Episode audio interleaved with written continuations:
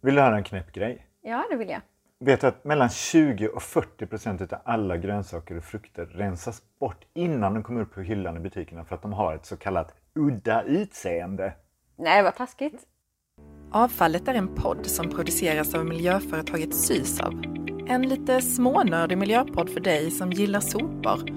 Eller ja, hur sopor hänger ihop med konsumtion, miljö och klimat och så. Avfallet, en riktigt sopig podd helt enkelt. För hur kan det vara så? Alltså 40 procent är inte udda. Tänk dig själv här på kontoret. Ifall 40 procent, nästan hälften av oss hade tre näsborrar, då hade vi ju varit helt vana vid det, för det är, det är typ hälften som har tre näsborrar. Det är inte udda. Nej. Vi måste sluta ha sån ska- utgallring och mobbing utav folk. icke udda grönsaker faktiskt. Men de här som gallras bort då, finns det liksom tydligt bevis att det är för att de har ett udda utseende? Ja, Är det anledningen? Enligt Independent som jag läste den här artikeln i, att Mm. i brittiska varuhus var det så. Så en eh, sned morot Ja. sorteras bort för att den går inte att sälja i butiken då? Och egentligen är den alltså inte sned, den är bara morot och morot ser ut så också. Ja, just det. Ja. Ja, men du, vad kul att vara igång och podda igen. Är det något särskilt du vill snacka om idag? Mm, jag skulle vilja prata om hållbara beteenden. Eller icke hållbara beteenden. Beteenden som kan vara hållbara eller inte. För det här är någonting som jag tänker jättemycket på utifrån mitt egna beteende. Eh, ska jag bli vegetarian? Ska jag aldrig mer flyga på semester? Ska jag ha köpstopp igen? Och jag tycker, jag skulle nog beskriva mig själv som en miljömedveten person. Du är ju nästan vegetarian helt. Jag äter kött två gånger i veckan. Okej, det var Ish. det. Ja, ish. Jag, har, jag ska försöka sluta helt också. Det är, en, det är en helt annan diskussion. Men det här med att miljömedvetenhet automatiskt leder till handlande, det gör det ju inte alltid. Nej, vill du ha en gåta? Ja, okej. Okej, det är 14, nu vet jag att du har lite dyskalkyli så nu får du hänga med här. Mm. Det är 14 grodor som sitter på en trädstam i en damm. Mm. Och tre av dem beslutas för att de ska hoppa i vattnet. Fyra av dem har ett udda utseende. Förlåt. Hur många sitter kvar? Trots min dyskalkyli så kan jag räkna till att det blir 11 grodor som sitter kvar. Fel! 14 sitter kvar. För att det är en jäkla skillnad mellan att bestämma sig för att göra något och att faktiskt göra det. Och det är det Ja. med- snackar om. Precis, så att de tre, exakt, så de tre grodorna som, som kanske beslutar sig för att, för att hoppa i vattnet, de är miljömedvetna. Men de beter sig inte hållbart för att de stannar kvar på gren. Nej, det räcker inte med medvetenhet. Nej, precis.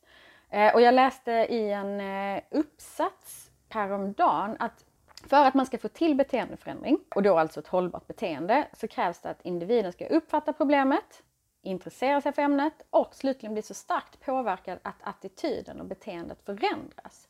Alltså bara att man är en miljömedveten person, det innebär bara att jag har kunskapen, men jag kanske inte handlar därefter som sagt. Och många gånger så handlar vi omedvetet, oavsett grad av miljömedvetenhet, och gör saker utan att egentligen tänka över situationen.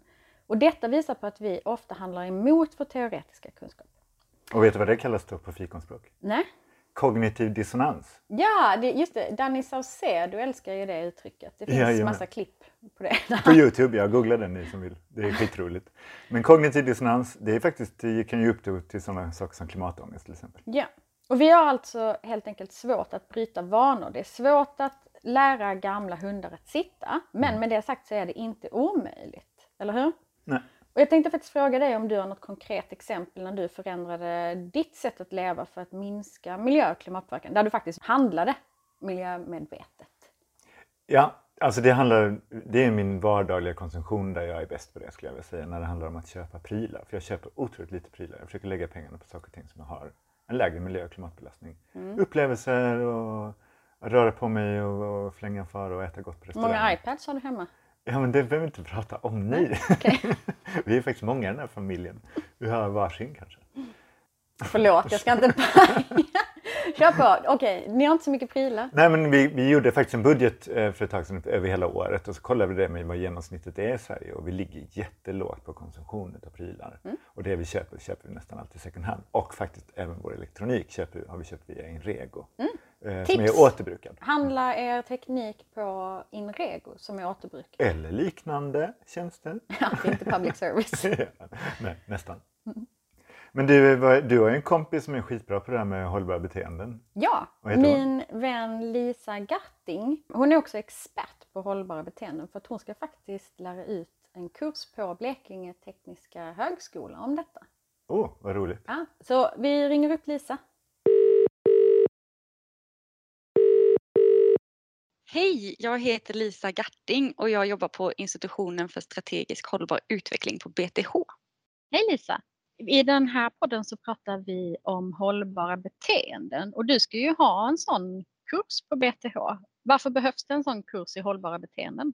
Ja, men först vill jag bara, bara förtydliga att det här det är en kurs i eh, beteendeförändring för hållbarhet. Så det handlar inte så om att vi ska lära ut liksom, de här studenterna hur de ska bete sig själva som hållbara individer utan ge dem verktyg för att liksom, kunna skapa eh, förändring. Så att, men för att svara på din fråga så är det ju så att för att lösa många av de liksom, hållbarhetsutmaningar som vi har så kommer det ju innebära beteendeförändringar. Alltså vi måste ställa om, inte bara på så individuell, individuell nivå utan på organisationsnivå och samhällsnivå. Och det kommer innebära att vi måste förändra hur vi beter oss och hur vi lever. Och för att kunna göra det så behöver vi också då såklart liksom fler människor där ute i organisationer och i samhället som förstår hur vi kan skapa den förändringen. Alltså hur kan man kommunicera kring det här? Vad kan man använda för strategier och verktyg för att få till de här beteendeförändringarna? Och det är det som vi liksom vill lära ut eh, i den här kursen. Det låter jätte jättebra. Och du har ju berättat för mig också att det var många som sökte till den här kursen också. Mm, det var ju ett jättehögt söktryck på den här kursen och det, det visar ju inte bara då på liksom det här behovet som kanske finns utan också på det här, alltså det är ett jättestort intresse kring det här. Det är väldigt, väldigt många som, som vill vill liksom skapa förändring och som vill hitta sätt att göra det. Så det är mm. jättekul att se. Vad är det som gör att trots att vi har all kunskap om hur vi borde bete oss, ibland gör tvärtom. Att vi vet att köttindustrin eh, släpper ut väldigt mycket koldioxid till exempel. Också att en del djurhållning inte är särskilt bra. Vad är det då som gör att jag ändå går och köper en, en bit kött? Men det där är så himla intressant och det, det finns ju jättemycket olika faktorer som egentligen påverkar liksom våra beteenden, vad vi faktiskt gör kontra vad vi tycker och tänker. Och det där är jättevanligt, precis som du säger, att man, att man gör sådär. Men om man, om man ska titta liksom på några såna psykologiska barriärer för våra beteenden. Om, om vi tar klimatförändringen eller klimatfrågan som exempel. Mm. Så först och främst så kan man ju eh, som säga att klimatfrågan i sig är så, alltså den är inte så himla sexig. Liksom. Den, är, den är inramad och kommuniceras på ett väldigt, väldigt negativt sätt. Så lösningarna och hur man pratar kring det är väldigt negativt laddat. Det pratar om allt vi måste göra avkall på, det pratar om hur mycket det kommer kosta att lösa de här utmaningarna och sådär. Och det gör det liksom svårt för människor att uppbåda engagemang istället för att man vänder på det och pratar om vad vi faktiskt får ut av det här, de positiva sakerna. Mm. Eh, och sen är det väldigt mycket som en domedagsvibe på hela klimatfrågan i hur den kommuniceras. Man pratar om det här stora hotet, hur illa det är. Såklart med rätta för att det är det som är sanningen. Det är illa och det är ett stort mm. hot. Men när man pratar om det på det sättet och kommunicerar det så mycket som ett domedagslarm, då få det människor att domna av. Alltså man orkar inte. Det blir inte så roligt att ställa om. Nej, det, det, blir, det blir varken roligt och det blir, det blir snarare, det blir liksom, det blir för mycket ångest att ta in. Alltså man orkar inte ta in att det är ett stort, stort problem liksom. Och det får människor att domna av. Så att vi, vi kommunicerar det på, på ett väldigt mycket domedagssätt. Det tillsammans med att, att liksom klimatfrågan känns för väldigt många väldigt långt bort. Både i tid och i rum. Alltså man, man, upplever att det där hotet ligger långt bort i tiden. Man upplever att det ligger långt bort geografiskt. Liksom. Det kommer inte drabba mig. Och vi människor är skitdåliga på att bedöma risker faktiskt rent ut sagt. Alltså vi, för de allra flesta så kommer oron för att jag ska kugga på den där tentan nästa vecka eller oron för att mitt barn blir sjukt precis till kalaset eller vad det kan vara. Den oron kommer kännas större liksom, mm. än oron för klimatet. För att det är så vi bedömer risker, även om det inte är jämförbart. Liksom. Nej, precis. Och som och du det, säger, att det är inte så sexigt paketerat. Nej, och, det, och sen är sanningen att det är ju inte långt borta egentligen det här hotet. Alltså det är ju någonting Nej. som vi är påverkade av redan idag men vi ser inte det. Liksom. En, en sak till jag kan tillägga som gör att vi kanske inte alltid beter oss som vi borde det är ju att vi har ju här vant oss vid en väldigt, väldigt liksom bekväm livsstil och en livsstil som är skön och härlig för oss att ha. Och när vi då sen blir matade med den här informationen om att ja, men det du gör är dåligt, du borde inte som du säger köpa den där köttbiten, du borde inte ta bilen och så vidare men det är fortfarande ett invant beteende som vi gör, då blir det här skapar liksom en dissonans mellan vad vi tycker och tänker och vad vi gör. Och då är det enklare för oss att ändra vad vi tycker och tänker än att ändra vad vi gör. Det gör liksom att vi istället börjar förklara för oss att eh, ja, men jag åt ju inte kött igår så att då är det ju okej idag. Eller det är väl inte så farligt att ta bilen. Det, det spelar inte någon roll det lilla jag gör. Alltså man hittar liksom sådana förklaringar för sig själv för att beteendet är okej. Det finns jättemycket olika ja, men sådär, psykologiska barriärer till att faktiskt, eh, eller till, som förklarar vad det är som påverkar. Och eh, jag kan säga om man är väldigt nyfiken på det här så är Per Stocknes har gjort ett jättebra TED-talk som man kan gå in och titta på där han, han pratar mycket om det. Du, ehm, du var ju projektledare för någonting som heter Det goda livet. Mm. Kan inte du berätta vad det var för projekt? Ja, det var ett jättespännande projekt. Vi, det var när jag jobbade som projektledare då på föreningen Hållbar utveckling Skåne. Och då handlade det just om att fokusera på, som jag pratade inledningsvis om, de här liksom positiva sidorna av en förändring, en omställning. Så vi, mm. vi hjälpte familjer att eh, ställa om till en mer en hållbar livsstil med hjälp av då en kock, en psykolog och en ekonom. Och där vi i det här projektet fokuserade på alla de här liksom positiva delarna. Vi utgick från familjerna och vad de ville ha mer av i sina liv. Och det handlade i princip bara om att så här, med mer tid med min familj och mina vänner, jag vill ha mer lugn och ro, mer utomhusvistelse. Allting liksom kom ner till ganska hållbara beteenden, allt som man faktiskt mm. ville ha mer av. Det var inte precis någon som efterfrågade den senaste mobilen liksom, utan det man ville ha mer av var sånt som går ihop med hållbarhetsfrågan. Så i projektet då så fick de ja, jobba med det här, förändra sina beteenden och så, så kollade vi dels då hur, hur de liksom förändrade sig rent med beteenden som påverkade liksom klimatmässigt då, men också hur deras välmående förändrades under projektets gång. Så det var liksom ja, men, kopplingen där liksom med mer hållbar livsstil och eh, välmående. Men hur gick det då? Fick de bättre välmående? Ja, det var ju det som var så kul när, eh, när vi var klara. För vi gick in i projektet med mest med liksom hypotesen att så här, man mår faktiskt bättre av att göra de här omställningarna. Mm. Men sen visade det sig att det faktiskt var så det blev för dem också. De var jätteduktiga eh, familjerna. De, de checkade av massa av deras såna här målbeteenden som de hade kopplat till klimatet och i slutet hade också 9 av 10 då ökat sitt välmående den där sista, mm. en av tio, var redan väldigt högt på välmående. Han hade inte, han hade inte sjunkit, men han var liksom kvar. men nio av tio hade faktiskt ökat välmåendet och det, ja, det var ett härligt tecken liksom på att det här går att kombinera. Alltså ingen mår sämre av att bete sig mer hållbart. Nej, exakt. Om vi går tillbaka till det här med ohållbara beteenden. Har du mm. något sådant som du äh, skäms över? Mitt mest ohållbara beteende? Jag har ju två barn. Det är ganska o... Men eh, jag skäms kanske inte över dem. Nej, de skäms jag inte över. Men, eh, nej, men annars så, jag håller just nu på eh, och renoverar mitt hus. Jag har ett, köpt ett hus från 70-talet som vi håller på att renovera och det, där är det absolut så att det skapar en så här jobbig känsla i mig. Eh, att ja, men jag kan rättfärdiga det att ett hus från 70-talet kan behöva piffas upp. Men mycket, det är klart att det går att bo där. Allt behöver inte alls bytas ut och jag hade inte behövt byta färg på väggar och sådär men det gör jag och det, det skapar en liten dissonanskänsla i mig mellan vad jag kanske tycker och vad jag gör. Ja.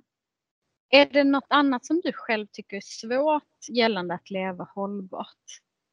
Ja, det är det. Det är svårt i liksom ett samhälle där vi hela tiden får inputs eller får möjligheter att göra saker som inte är hållbara så är det jättesvårt. Men, men jag skulle säga att det jag tycker är svårast personligen att få till och som kanske egentligen är det som ger absolut mest effekt och som jag önskar att fler skulle göra, det är ju vad ska man säga, aktivista mera. Alltså att göra, att göra mer liksom samhällspåverkan själv.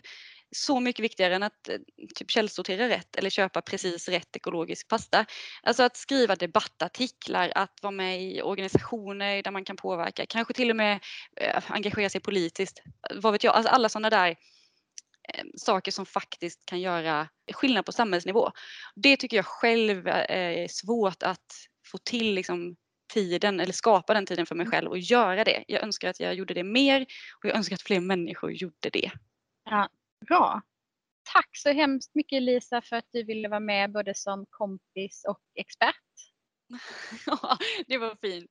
Nej, men tack så jättemycket för att jag fick vara med. Det är jättekul. Ha det bra. Hej då.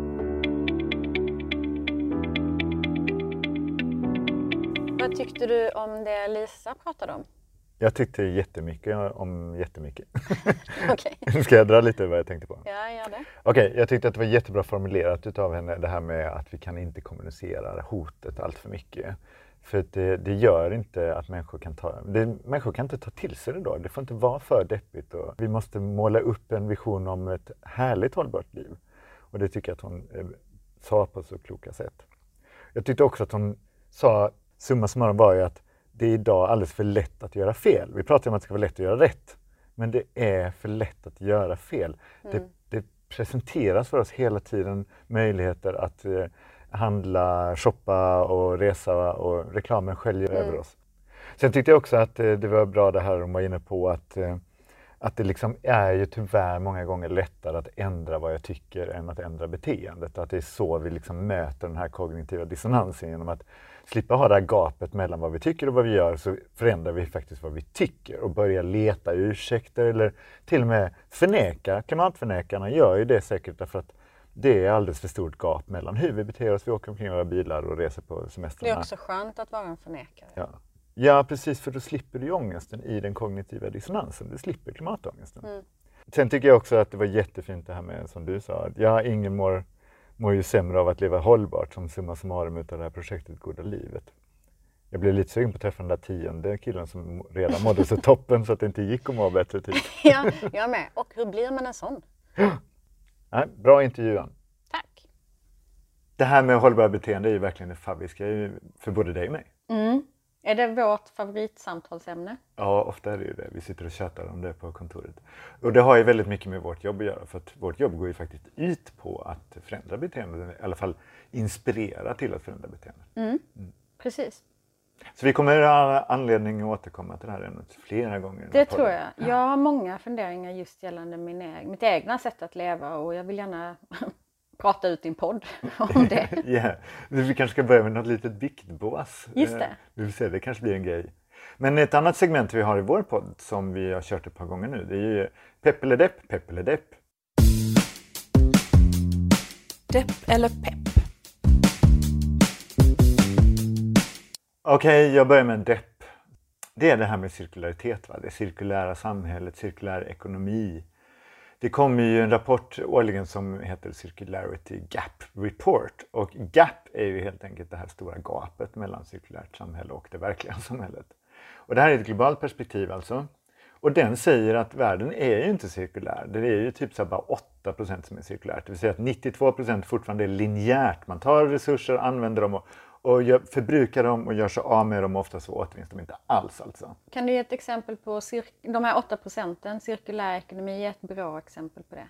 Ja men grejen är att det är inte heller särskilt bra exempel som finns utan det är nästan bara återvinning. Mm. Men återvinning är ju liksom också kostsamt på så många plan. Det är mm. energi och det är nytt vatten, ofta och kemikalier och nya material, alltså jungfruar som måste blandas ut med det återvunna materialet för att producera prylarna.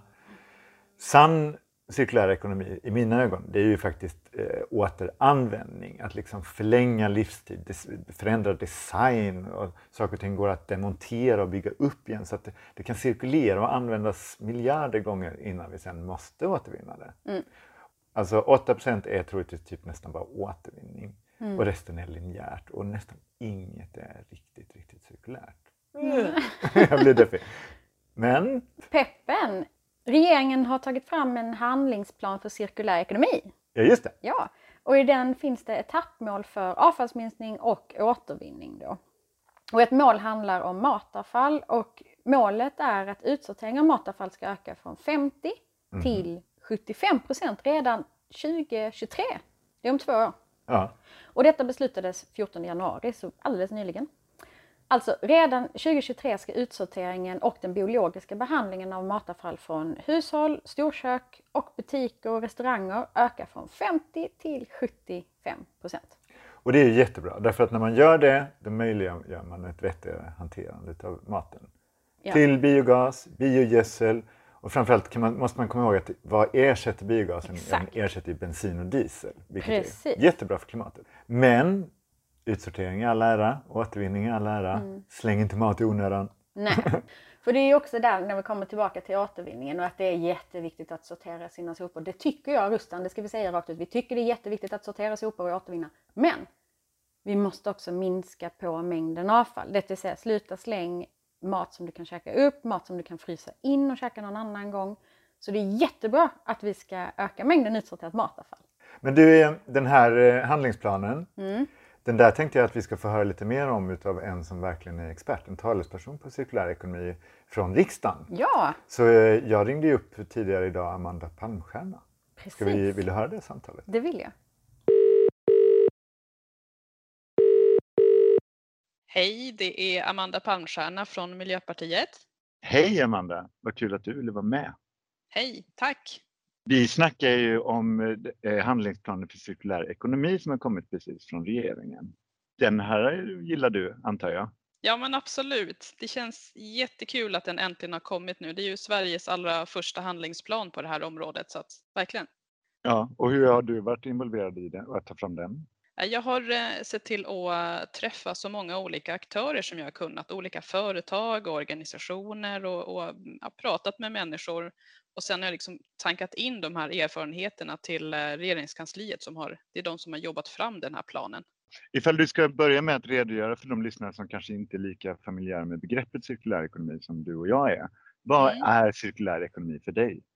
Jag, tror, jag skulle nog kunna börja med liksom varför jag jobbar med det här. Jag kan säga att jag, jag älskar verkligen att vara i naturen. Jag har liksom alltid gjort det och jag älskar att odla. Och därför har det varit som en, en djup eh, drivkraft, ja nästan andlig drivkraft att ta hand om den här planeten som vi bor på. Och då är det otroligt viktigt att se till att vi håller oss inom planetens gränser, att vi inte slösar med resurserna. Och då är det ju jätteviktigt att jobba med cirkulär ekonomi. Alltså att man dels att man sluter kretsloppen, att man tar tillvara på allt och inte slänger något, men också att man faktiskt minskar inflödet och minskar användning av naturresurser, minskar på konsumtionen helt enkelt. Jag tycker om att du vågar säga andlighet kring den här frågan, för jag tror att många gånger när vi pratar om det här så kan vi inte bara använda fakta, utan det måste vara lite mer känslor i det för att, för att trigga eh, en beteendeförändring många gånger. Jag tycker ofta att man eh, sätter liksom klimat och planet på ena sidan och människor på den andra, men allting hänger ihop. Men eh, tillbaka till handlingsplanen. Den mm. här har ju, kan du lite sammanfatta den lite kortfattat hur den är upplagd? Yes, precis. Nej, men visionen är ju då eh, det som jag var inne på där, att cirkulera, att sluta kretsloppen, men också att vi behöver minska inflödet av nya naturresurser så att man minskar trycket på planeten. Och sen är det ju då fyra stycken fokusområden.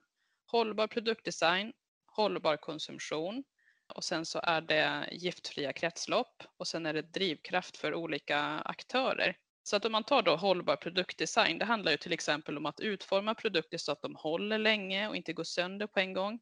Det handlar också om att de ska kunna gå att reparera, för så är det ju tyvärr faktiskt inte idag. Och här avgörs så mycket som 80 procent av miljöpåverkan, så att det här är ett väldigt viktigt skede.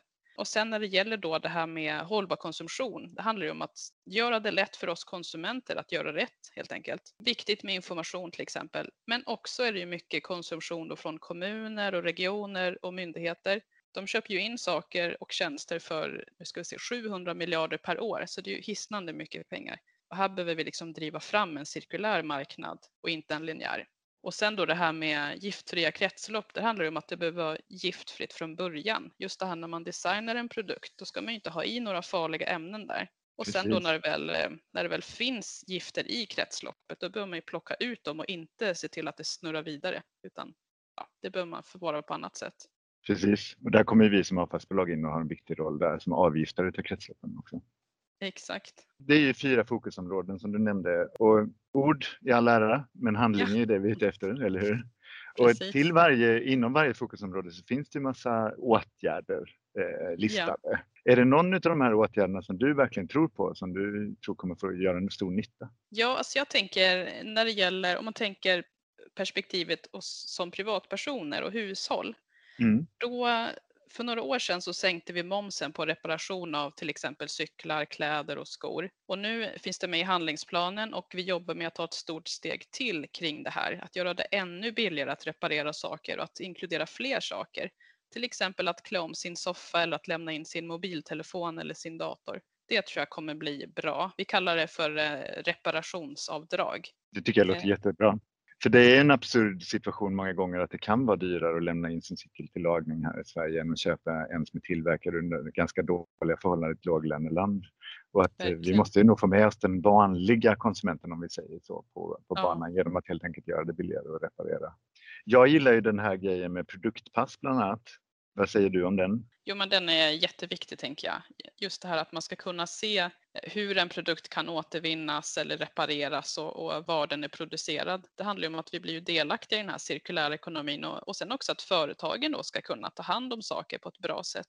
Precis, för många gånger så vågar man inte chansa i återvinningsstadiet därför att man inte är hundra på vad materialet innehåller. Och jag tycker det är många gånger absurt att man kan läsa innehållsförteckningen i någonting jag köper i en butik, vad det är i förpackningen men inte vad förpackningen i sig är gjord utav. Det finns liksom ingen innehållsförteckning ja. för förpackningen. Vi pratar mycket om design också som avfallsbolag, att vi tar emot mycket saker som hamnar i restavfallet och blir energiåtervunnet mm. därför att designen inte möjliggör materialåtervinning eller återanvändning ens en gång. Och så kan vi känna så att vi blir lite orättvist behandlade. Och säger, åh, här eldar ni upp det. Ja, men det går ju inte att göra något annat. Det är ingen som vill ha den här grejen. Den är inte gjord för något annat än, än energiåtervinning tyvärr. Och energiåtervinning, vi, vi, vi vill ju bara energiåtervinna det som inte går att ta hand om högre upp i avfallshierarkin. Mm. Är det något annat du gillar?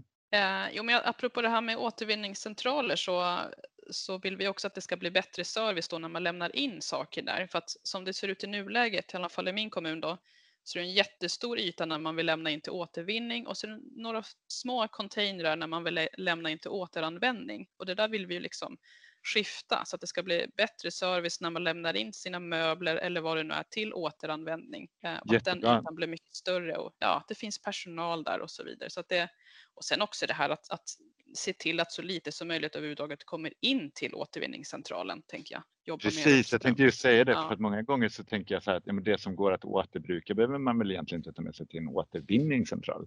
För vi har ju massa bra tjänster som Blocket och Tradera och sånt här som ja. folk borde nyttja mer, tycker jag. Jag läste ju mm, en siffra på hur få saker som faktiskt köps och säljs på eh, återbruksmarknaden i Sverige idag per person. Ja. men jag tänker det handlar ju mycket också om att, att eh, det finns med i handlingsplanen att vi vill ge stödpengar då till företag för att de ska våga satsa på sådana här affärsmodeller. Och sen också förmånliga lån som vi kallar gröna krediter som ska kunna gå till sådana här cirkulära projekt.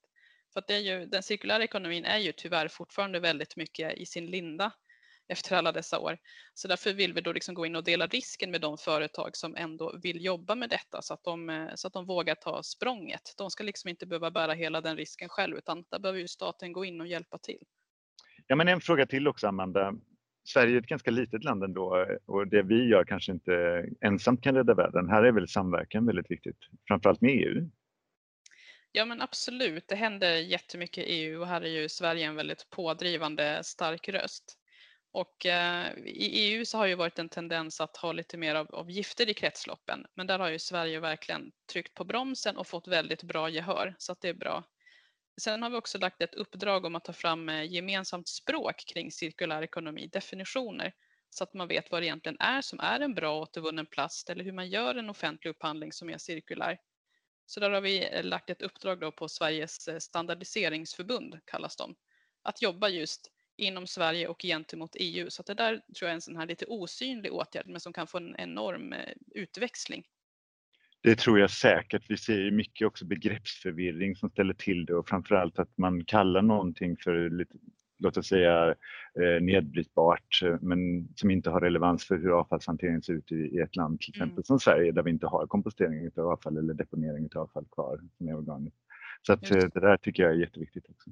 Avslutningsvis, skulle mm. du säga att det här är vi hemma sen då när allting det här eh, genomförs? Eh, räcker det här? Nej, du, jag vore väl inte politiker om jag skulle vara nöjd så att säga. Nej, men det, det, här är ett steg på vägen, den här handlingsplanen, men självklart behövs det väldigt mycket mer. Och jag tänker det här med verkligen sätta fokuset på att faktiskt våga prata om att minska konsumtionen. Och här är ju då en åtgärd som, eh, som vi pratar mycket om, det är den här gröna skatteväxlingen. Det betyder alltså att man höjer skatten på naturresurser och sänker skatten på arbete. Men det handlar också om att på olika sätt skapa förutsättningar för bestående livsstilsförändringar. Och jag tror ändå att, att många har börjat fundera och sett nu i coronatider att, att det är faktiskt möjligt att ändra på saker. Ifall vi nu pratar om individen och, mm. och, och den här vision, visionen hur kan man vara med och bidra till det som, som privatperson eller individ på sitt företag, tycker du? Finns det någonting i den här handlingsplanen som kan hjälpa en att förstå vad man själv kan bidra med? Jo, men det tycker jag. Jag tänker att man kan eh, laga saker istället för att slänga dem. Eh, och om man själv inte vill laga så kan man ju lämna in till någon som kan göra det. Jag lämnade in min egen ryggsäck till exempel häromdagen. Eh, sen kan man ju se till att köpa begagnat istället för att köpa nytt. Och sen också nu i, i pulka och skidtider så kan man ju låna saker av varandra. Eh, och det finns ju många kommuner som har sådana sportotek där man inte lånar en bok utan man lånar skidor eller skridskor i två veckor. Så det är ju fantastiskt bra exempel tycker jag. Ja men toppen, jag håller med dig om allt detta. Det var ju väl härligt va, som politiker. Jag får ändå ja. lägga till där med, med den sista. Jag tycker det, det är så otroligt viktigt också det här med att det ska liksom inte ligga i individens knä ensam att fixa planetens framtid utan det, politikerna ska se till att fixa systemet så det är möjligt att kunna välja att göra rätt. Det tycker jag är, det är en väldigt viktig grundbult. Du, tack för ett jättetrevligt samtal Amanda och återigen vad roligt att du ville vara med i vår podd. Ja men tack detsamma, jätteroligt att vara här verkligen. Toppen, men vi hörs säkert igen förhoppningsvis. Vi kommer nog ha anledning att återkomma till den här handlingsplanen. Absolut, det får ni gärna göra. Ha det fint, hej då! Tack så mycket, hej då!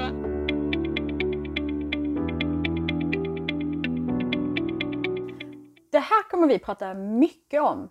Alltså ja. cirkulär ekonomi, hållbara beteenden, det är ju sånt som både du och jag kan så, gå igång på och vilja snacka sönder.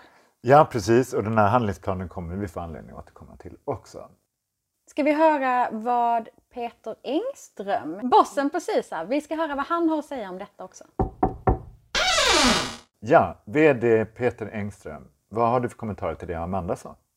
Ja, alltså från Sysavs sida så, så välkomnar vi att det kommer en eh, ambitiös handlingsplan som jag hoppas faktiskt ska göra riktig skillnad framöver. Sen är det ju en jätteutmaning kvar att konkretisera vad som ska göras.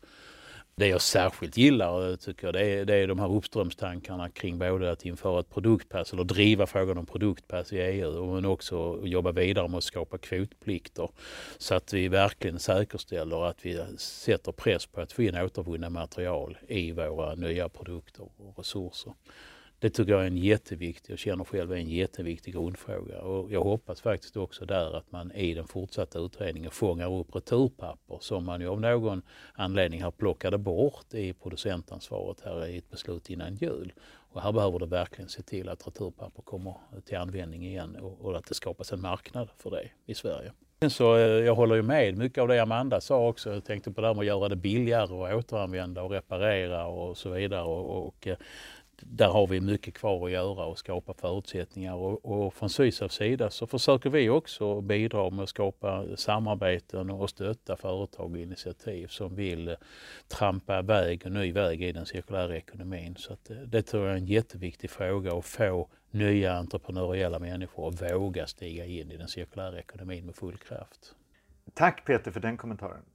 Tack själv. Och det var väl det. Va? Är det slut? Ja, det är det nog. Okay. Vad har vi fått uh, höra på idag då?